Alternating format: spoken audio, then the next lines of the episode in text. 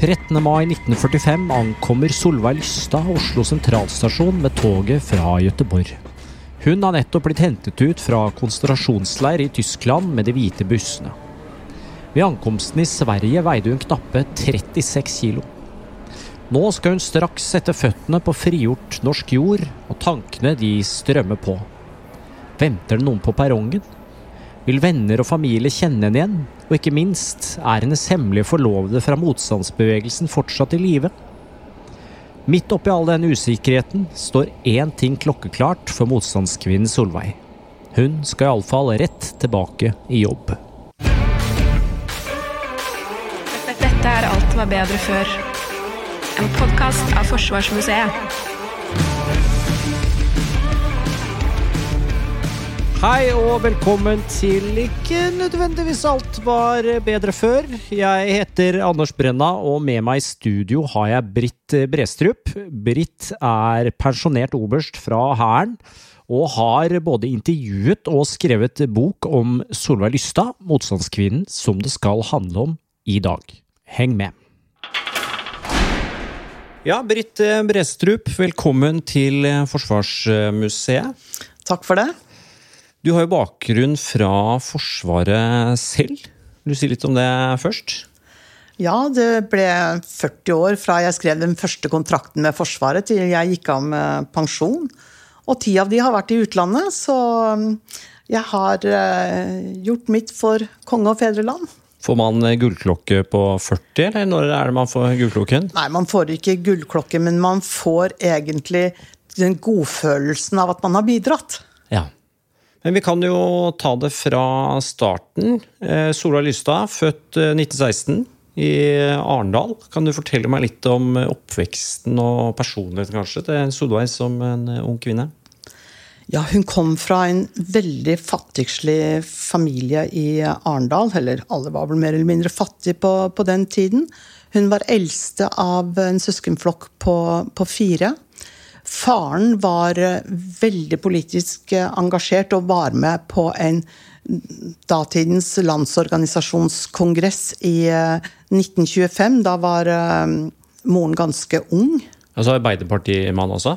Ja, ja, det var vel Han var kanskje enda litt mer radikal, men moren var veldig gudfryktig. Og det var nesten sånn at i familien der så så trodde nok eh, faren mer på sosialismen enn moren som trodde på Vår Herre.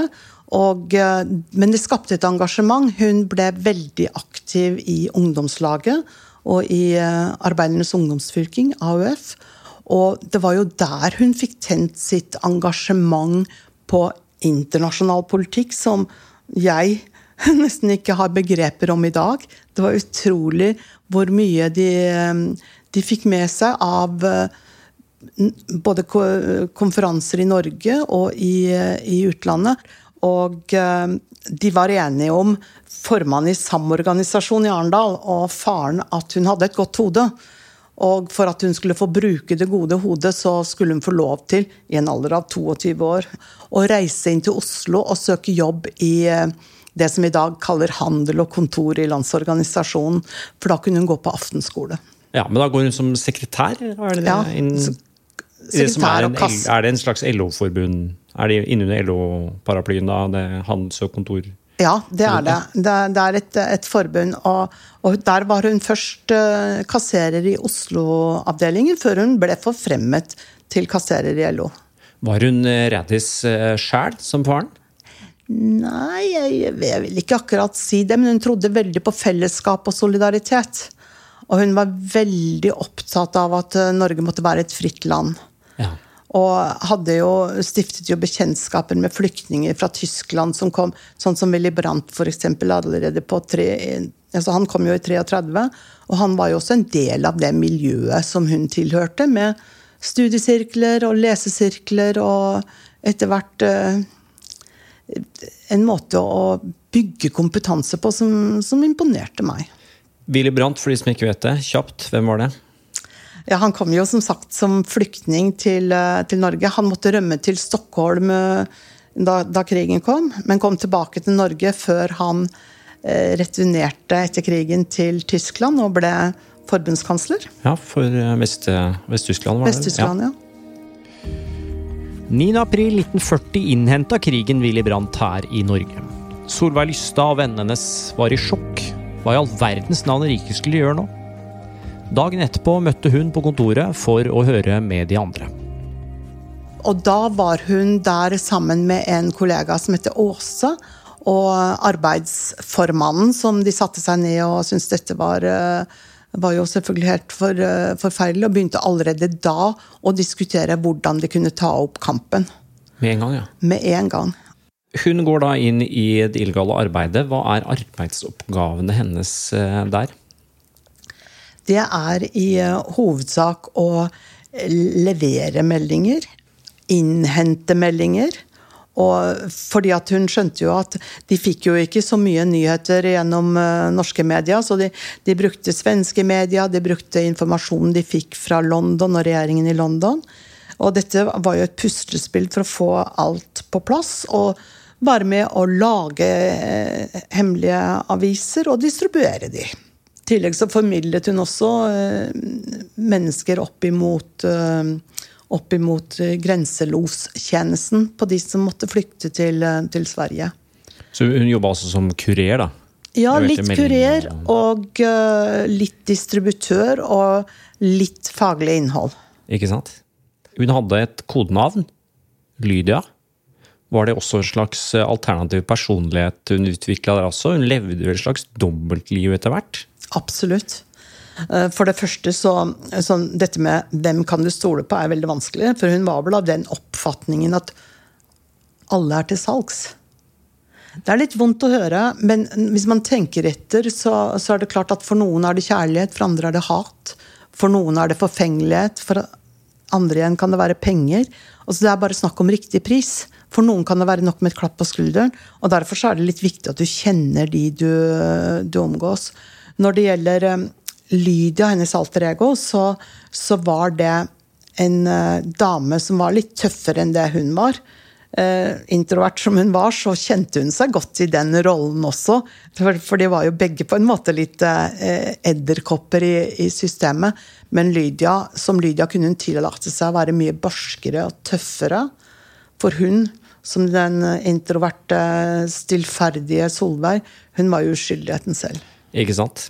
Det var en del uro og utskiftning i fagbevegelsen, inkludert på hennes egen arbeidsplass. Eh, hun fikk vel sparken eh, på et tidspunkt, eh, blant annet, fordi mistanke mot henne. Og dette var jo fordi NS og tyskerne prøvde jo å kontrollere LO, sette inn sine folk. Hvordan utarta det seg? LO ble jo på en måte litt nazifisert. Uh, og så kan man se det fra flere sider. På den ene siden hadde de kanskje ikke hatt noen landsorganisasjon hvis de ikke hadde gått med på det. Mm. På den annen side så, så, gjorde det jo veldig utrygt for, uh, for, de som var der. De klarte aldri å ta Solveig på noe. Nei. Hun hadde jo liksom tegn på hvor hun skulle henge skjerfet sitt når hun kunne motta eller uh, hadde meldinger å sende bare på hvilken knagg det, det, hang. Men da hun ble oppsagt den 10. februar, så, så hadde jo også formannen, som hun da fortsatt hadde et, eh, et forhold til, eh, klart på at dette hadde de diskutert i administrasjonen, men de hadde ingen beviser. Ikke sant.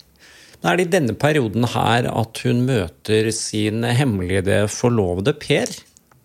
Ja, og det har jo blitt en, en veldig godt bevart hemmelighet. For til og med den dagen hun hadde vært eh, Den dagen hun ble arrestert, så hadde hun vært og bestilt eh, en tur hjem med kystruten til Arendal, for hun trengte å roe seg ned litt. Og da gikk hun jo en vei over Hun bodde jo Åkbergveien, 56. Da gikk hun veien forbi også en kirke, kirken der nede, og drømte litt om igjen da, introvert, ikke noe storstilt bryllup, men der skulle hun stå brud sammen med sin Per. Men samtidig så, øh, så, ville hun ikke Hun ville ikke engang fortelle foreldrene sine om Per. fordi at jo mindre de visste, jo bedre var det. Og han drev jo også illegalt arbeid. Mm. Og det har vært veldig vanskelig å nøste opp i de trådene.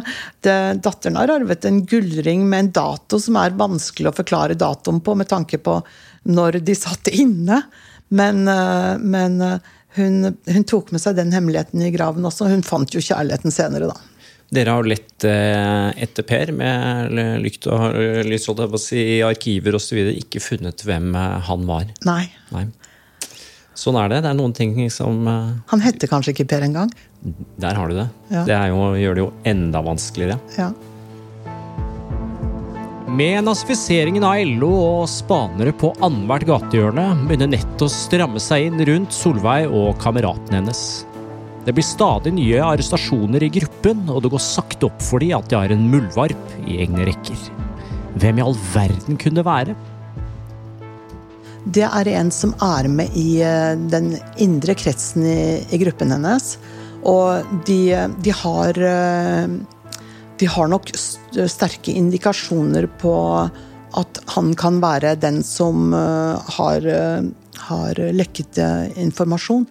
Eh, men Solveig var veldig i tvil, fordi at hun eh, var litt opptatt av at i siviliserte land, selv om det, det, var krig og okkupasjon, så var liksom dødsstraff ikke noe som hun eh, var noen tilhenger av. Men der og da så innså hun jo at hvis dette mennesket får leve videre, så vil flere dø. Og det er hans på grunn av hans angiveri. Ja.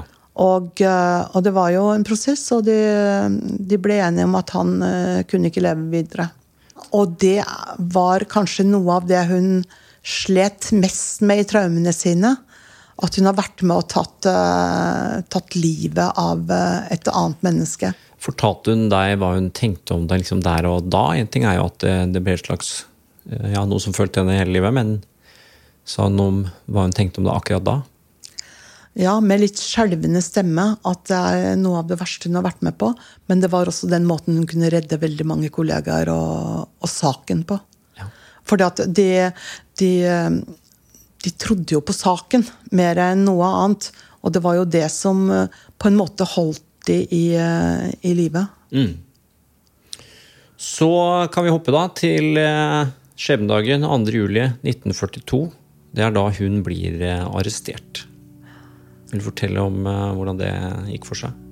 Da hun eh, kom hjem etter å ha vært på Akershuskaia Akershus-kaia og bestilt billett hjem med Kystruten, så, så, hun gikk jo forbi kirken. Det var jo der hun drømte om sin uh, bryllupet med sin hemmelige forlovede også. Hun kom hjem og så at det sto en sort bil utenfor inngangsdøren til adressen hennes, eller hybelhuset. Og tenkte at ja, det er ikke noen som besøker noen av mine, fordi de hun delte toalett med i gangen, de hadde ikke slike gjester. Og, kom opp i eh, fjerde etasje og eh, ser en mann utenfor døren sin. Det var jo ingen mulighet til å, å snu, så hun bare går som om hun skal gå rett forbi og kakke på neste dør. Og da eh, blir hun eh, ropt på, og, og denne mannen som eh, tydeligvis var en eh, politimann fra statspolitiet, han roper 'stopp, frøken Lystad, ellers skyter jeg'. Og hun stivner jo til og sier litt sånn tilforlatelig 'unnskyld, men hva skjer?' Og eh, da skjønte hun at hun skulle ha koblet den bilen og sjåføren utenfor. For det var jo noen som skulle hentes, og denne gangen var det henne. Så hun, eh, hun, blir bedt om å være med til eh, statspolitiets eh, kontorer i Henrik Ibsens gate 7. Hun vet jo utmerket godt hvor de er, og hvilke grusomheter de foretar seg der. Hun har jo ikke noe valg, hun blir jo med. Og der og da så tar hun avskjed med sitt alter ego Lydia, for at nå er det bare den uskyldige Solveig ja. som må vises. Hun, hvordan var møtet med statspolitiet og en viss Arne Halvard Tofteberg, som hun eh, møtte der? Hun, eh, hun, ble tatt med til eh, et avhørsrom hvor det var veldig mye formaliteter, og hun tenkte at ja, dette går jo bra. Men så ble det litt mer alvor. Hun ble ført til et annet rom, og avhøret fortsatte. Og mot alle odds så fikk hun beholde klokken som hun hadde fått i konfirmasjonsgave. Så hun jo, så jo at tiden gikk. Avhøret varte i hele 14 timer, og hun skjønte at det var ikke noe servering hos eh, det vertskapet der. 14 tøffe timer, og uh, hun ble hele tiden konfrontert med at hun drev med illegalt arbeid. og forespurt om hvem det var hun hadde hilst på ute i gangen, om det var noen hun kjente.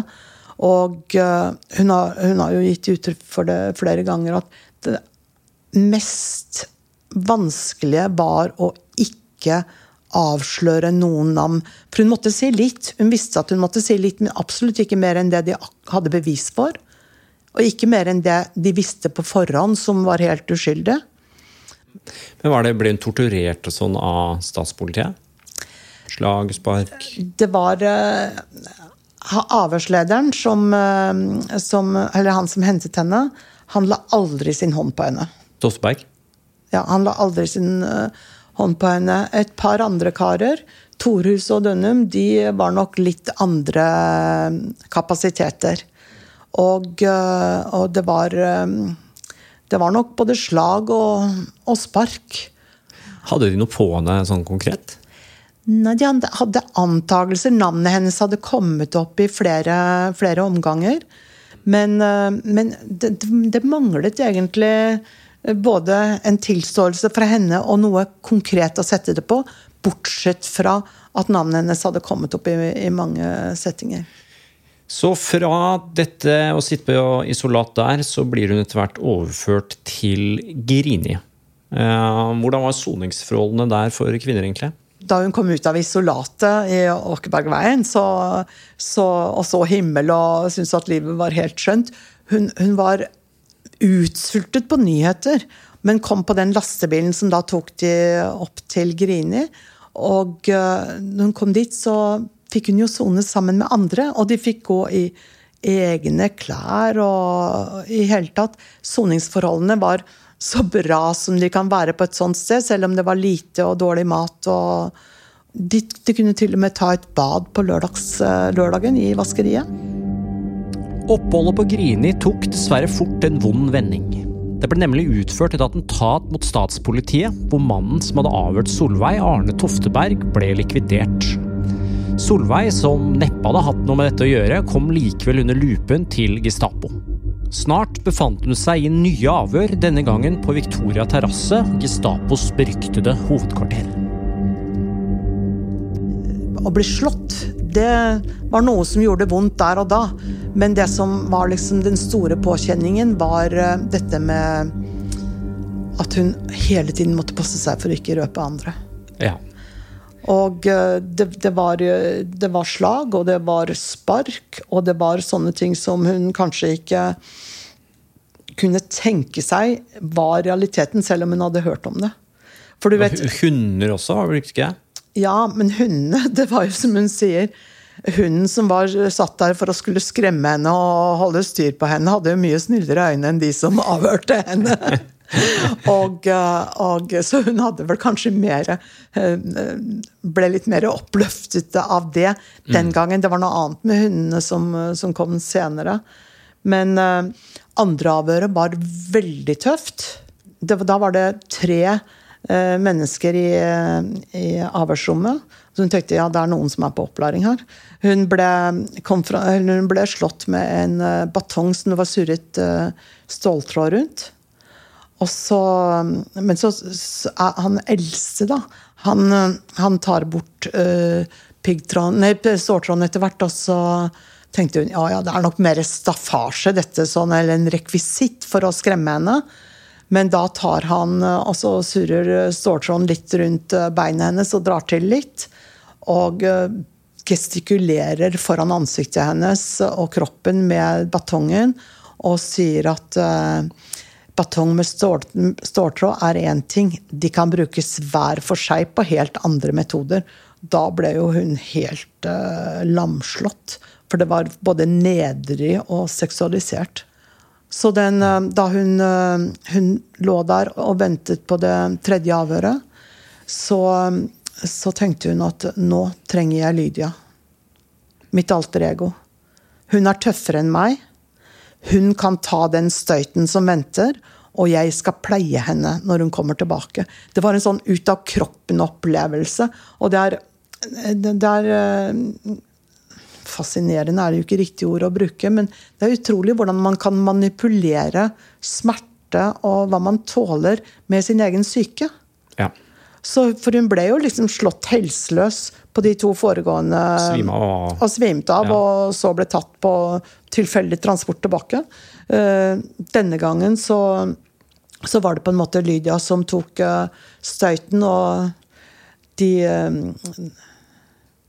Hun kom tilbake til cellen, og da var det hun som på en måte pleiet Lydia, som var Solveig.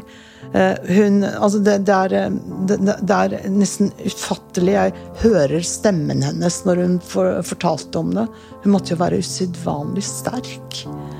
Og eh, da hadde vel tyskerne bokstavelig talt fastslått at det var ikke mye å hente av henne.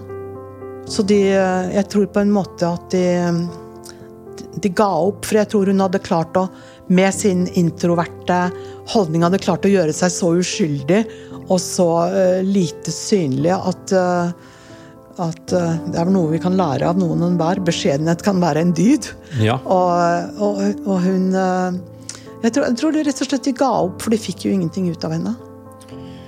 Men skjønt gap og gap, ikke veldig lenge etterpå, så skal det jo bli vondt å være likevel. Ja.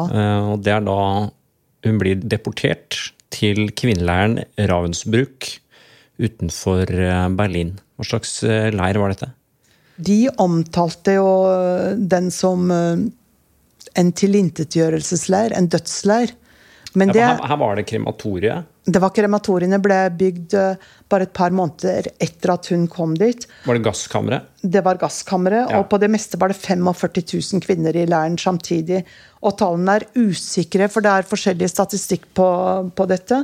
Og mye av bevisene ble jo brent i krematoriene også når eh, freden kom. Men det er anslagsvis 132 000 kvinner som ble tatt eh, livet av i, uh, i Ravensbrück. Men det var klart du levde så lenge du kunne jobbe. Altså, hadde du ikke arbeidsevne, så ble du tatt livet av. Ja, jeg, måtte legge fra meg boka opptil flere ganger i det kapitlet, hvor det var så jævlig å lese om, eh, rett og slett. Altså. Ja. Og det var så, det var, men som hun sier, det var så grusomt at de snakket ikke om det, for de trodde ikke noen ville tro på dem. Du skriver litt eh, om ulike ting de gjorde for å liksom holde motet oppe da, i møte med helvete selv. Eh, litt sånn kulturaftener og sånt som de holdt. Det var utrolig hva de fant på midt oppi dette jernskapet? da. Kan du fortelle Ja. litt om det? Solveig delte jo seng med fem fanger. Og, eh, men som regel var de tre der, for noen jobbet og noen var Ja, det var i hvert fall tre til stede, da. Kunne være oppe i fem. Og de hadde veldig mye sånn kulturaftener på tiden mellom den siste oppstillingen og, og, og Rosignal. Når de da hadde fått avluset eh, hverandre så, og fjernet eh, lopper, så, så hun siterte jo f.eks. Marken grøde' av eh, Knut Hamsun. Og det var jo mange som kjente Hamsun, for han hadde jo fått Nobels litteraturpris i 1920. Eh, Hun hadde mye Ibsen og hans sterke kvinner, som på en måte også Og det var mange som kjente Ibsen.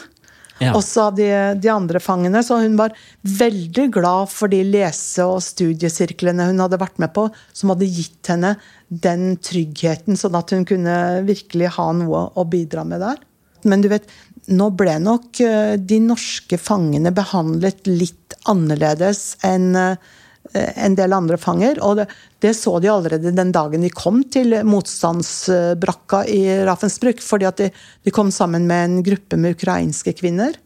Og de norske de fikk beholde håret fordi at eh, de hadde avluset hverandre. Mens de eh, ukrainske kvinnene de var, eh, måtte jo, eller ble klippet av både hår på hodet og kroppshår for å mm, skulle renses.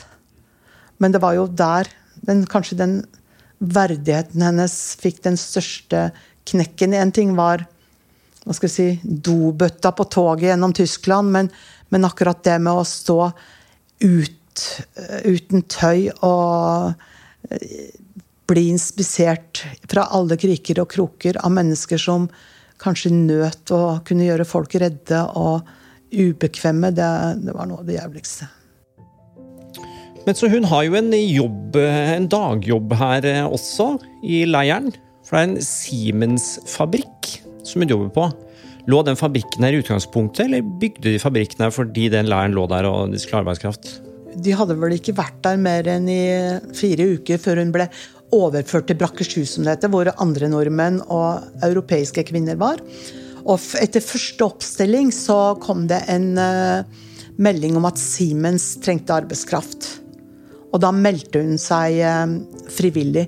Uh, Solveig var relativt kortvokst. 161 cm, og, og, men seneste og, og, sterk. Men hun tenkte at saltgruvene og veiarbeid med den store veivalsen hun hadde sett, det vil ta knekken på meg. Eh, Siemens er tingen. Mm. De skjønte jo etter hvert, for Siemens drev jo i uh, rustningsindustrien. De laget uh, mikrofoner og telefoner som skulle brukes på på både båter og, og fly. Og, og de, mens de i, i, i Ravensbrück der sjekket de beina til folk før de tok de ut på forskjellige arbeidsoppdrag. På Siemens så sjekket de fingrene. Og det var klart at de, skulle, de frøs jo når de gikk der, på, men de kunne ikke fryse så mye på fingrene at de ikke fikk jobbet. Så det, de, de, kom nok litt bedre ut av det på, på den måten. Og så var det litt mer varme i de hallene hvor de jobbet, for de måtte jo være hva skal jeg si, fingerferdige. da.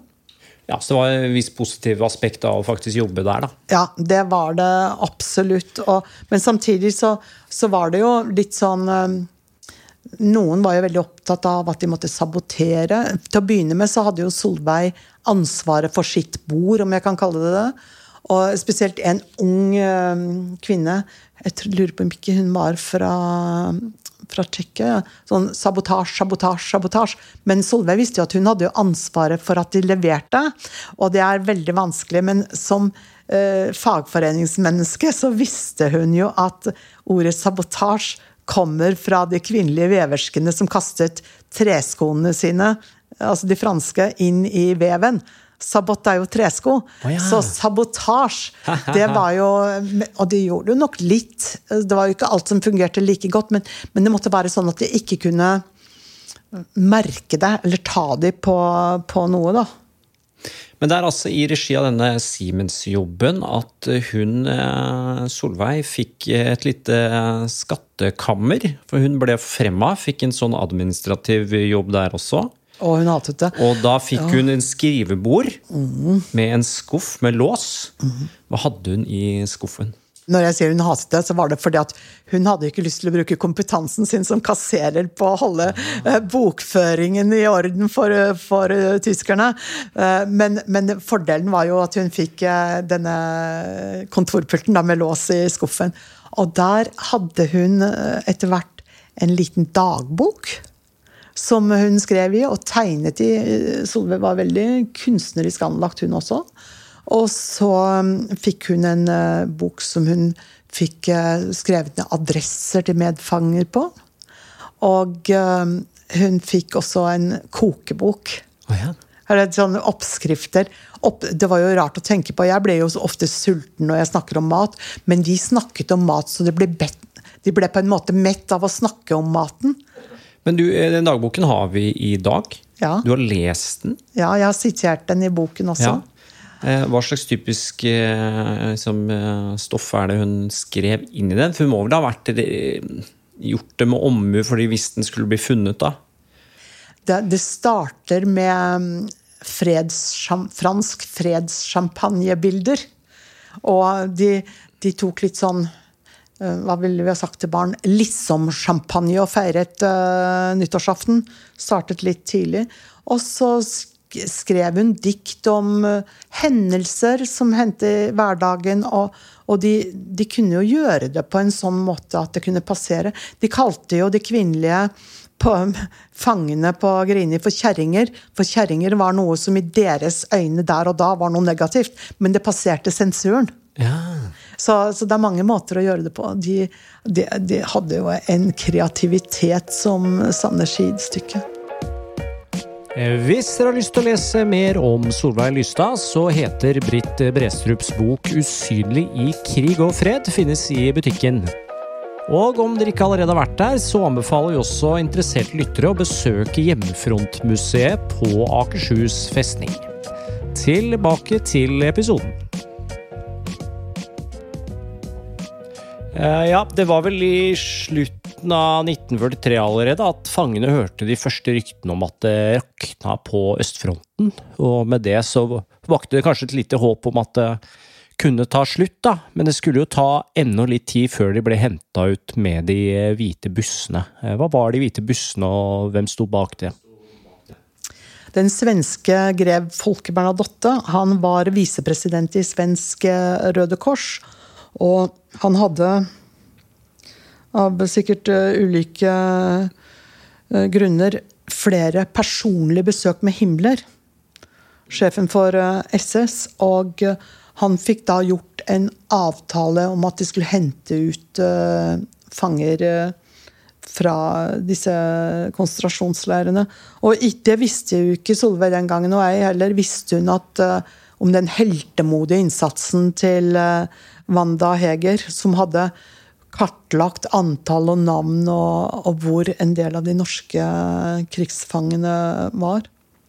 Så det var lørdag 7. april 1945. Da er det Solveig sin tur. Da blir hun henta ut. Har hun beskrevet for deg hvordan det føltes uh, å bli henta av de hvite bussene? Det var så blandede følelser. For det første så gikk de jo forbi krematoriene. Og uh, aktiviteten er jo synlig. Det lå jo igjen deler av både undertøy og, og klær på, på bakken. Uh, hun var vemodig fordi hun måtte ta farvel med mange kjente og, og, kjære som hadde vært med og betydd veldig mye for hverandre for å holde motet oppe. Uh, samtidig så trodde hun ikke helt på det. Eh, de, de, når de kom dit, så overnattet de i badet siste natten. Og de sov jo ikke et minutt. Og eh, når hun da ble møtt med svenske, for så vidt også norske og kvinner og, og, menn utenfor bussene som smilte De hadde ikke lov til å smile i leiren. Så og satt der med Jeg ser for meg med uh, en eh, brødskalk, og så kom de dit, og så var det uh, Altså, det Helt ubegripelig. Det er som om det skulle være et eventyr. Det tatt Drømmer jeg nå? Er dette virkelig? Hun så seg aldri tilbake. Og hun ville aldri Aldri tilbake dit heller. Hun var ferdig med Ravensbrück da hun satte seg på bussen og bussen kjørte. Så hun får et sånn rekreasjonsopphold i Sverige, for det er der de hvite bussene kommer fra. Og så tar hun toget altså hjem til Norge, og da er vi tilbake til der vi startet, med at hun ankommer 13. mai. Hva går gjennom hodet hennes? Hun tar, sitter på toget, så går av på perrongen på Oslo S. Først av alt så var hun jo veldig spent på om det var noen på perrongen som, eh, som ventet på henne. F.eks. Per? Ja. Hun hadde jo fått en fornemmelse av at han var død. Eh, men, eh, men allerede i oktober i 44. Men det kunne jo være at det var feil. Samtidig så visste hun at familien i Arendal kanskje ikke hadde muligheten og var bemidlet nok til å kunne ta en Oslo-tur. Eller visste ikke om de hadde fått melding om at hun kom heller. Og hun hun, det eneste som hun var fast bestemt på, var at hun skulle tilbake og i jobb. Hvorfor er, det, hvorfor er det så viktig for henne? Det virker så rart å liksom veie, være 1,61 høy, veie 36 kilo, du har vært eh, to-tre år konsentrasjonsleir. Du skal rett tilbake i jobb. Er det en måte å opprettholde verdigheten på? liksom, Å si 'det skal faen ikke få knuse meg'? Ja, Nå hadde hun jo lagt på seg og veide 40 kilo da hun 40, kom tilbake oi, til Norge. Ja. Eh, men, eh, men, samtidig så, så, tror jeg det var dette med at de hadde slåss for saken, og det var saken som hadde holdt henne oppe. Et fritt Norge. Et, et Norge hvor man skulle bygge på verdier som hun Solidaritet, fellesskap. Og det var saken hun trodde på, som hadde holdt henne oppe under hele fangenskapet i to år og ni måneder til sammen. Hun, eh, hun tenkte at eh, det, må være en jobb for meg tilbake på kontoret. Og hun var tilbake på kontoret. Ja, Det var dagen etterpå sånn omtrent. Ja, Trappa opp på kontoret og spurte om jeg var tilbake jobben. Og det fikk hun. Hun fikk det jo det umiddelbart. Ja. Men samtidig så var det jo en, eh, et tveget sverd, fordi at eh, det var jo folk som fortsatt jobbet der, som eh, hadde vært av de som passet på henne før hun ble sagt opp og, og arrestert. Ja.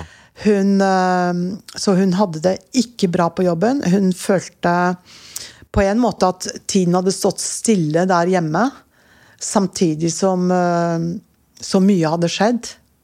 Eh, Og hun syntes det var veldig, veldig vanskelig. Veien tilbake til et fritt Norge ble brokete for Solveig. For det venta ingen Per på perrongen, han hadde faktisk gått bort. Og det ble enda et sår som Solveig måtte bære på. Men så fant hun likevel kjærligheten på nytt, og giftet seg med Ivar. Og mot alle odds, i en alder av 42, så fikk hun også en datter. Hun ville ikke ha barn, for hun, ikke, hun trodde ikke at kroppen hennes, etter det den hadde vært igjennom, ville være i stand til å bære fram et barn. Og, og hun var nok veldig også opptatt av, før hun giftet seg for Hun visste jo liksom at det kanskje innebar øh, litt øh, mer kroppslig kontakt, og hva det skulle bety. Og, og hun endte med at hun gikk til en gynekolog og, og bestilte seg time for å finne ut om hun var at alt, alt var i orden. Og gynekologen var jo en ung mann som ikke hadde noen begreper om hva hun hadde vært igjennom, så han syntes hun var litt tullete. Og uh, Ivar støttet henne jo eh, fullt og helt på at uh, hun var jo absolutt i stand til å bære fram et barn. Og det gjorde hun også. Så fødte hun da, som sagt, Siv måneden før hun ble 42. Og uh, som Siv sa, hun har vært så bortskjemt i hele livet. Ikke på noe annet enn kjærlighet og omsorg og virkelig blitt tatt godt hånd om. Men var det da hun bestemte seg for å, å tie? Når hun ble mor?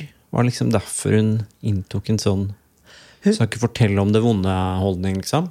Hun og mannen snakket heller ikke om det. Det? Hun, nei, hun snakket ikke med noen om det, annet enn sine kamerater.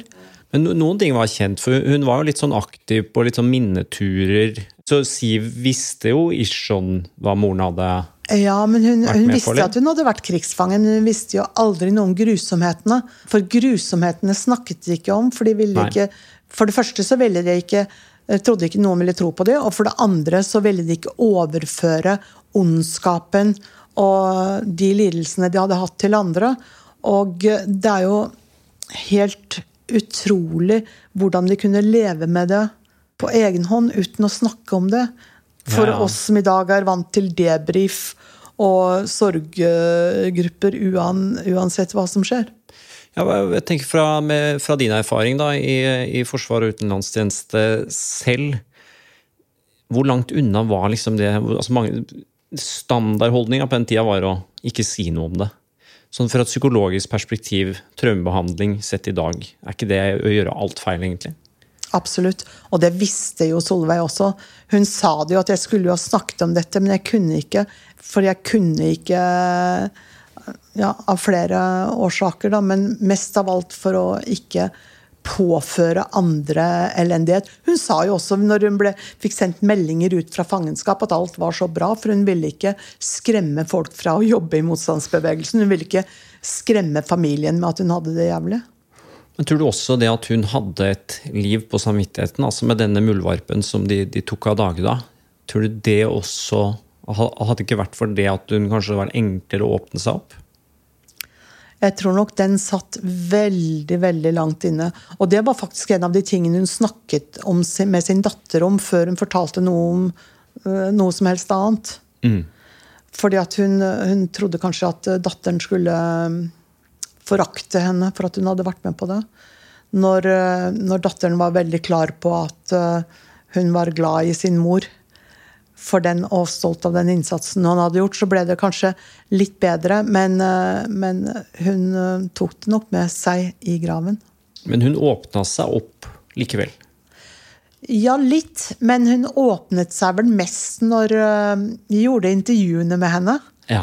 Så mye latter og gråt på en gang, det har jeg aldri opplevd, verken før eller senere. Jeg tenker Vi sier ofte om annen verdenskrig sånn eh, vi skal aldri glemme. Eh, men da tenker vi ofte på grusomhetene. Altså litt sånn For nyere og kommende generasjoner, eh, hvilke positive aspekter fra Solveigs historie bør vi alltid bære med oss? Solveig jo, var jo allerede inn, når jeg gjorde intervjuene med henne, veldig opptatt av de politiske strømningene i, i Europa. Men hun var veldig opptatt av at solidaritet og, og, fellesskap var viktig. Det er viktige verdier. Men hun sa også var veldig observant på populisme, autoritære regimer og strømninger i folket. Fordi at vi må skal, skal, vi klare å beholde demokratiet vårt, som det er det det hele dreier seg om, og, og egen uh, selvstendig nasjon, så, så, må alle bidra. Og jeg spurte henne syns du det var verdt det, når du tenker på hva du har vært igjennom. Og så sier hun det er det at vi slåss for det vi trodde på, som gjorde at det var verdt det. Det var verdt det. Britt Brestrup, takk for at du ville dele historien om Sola Lystad for oss.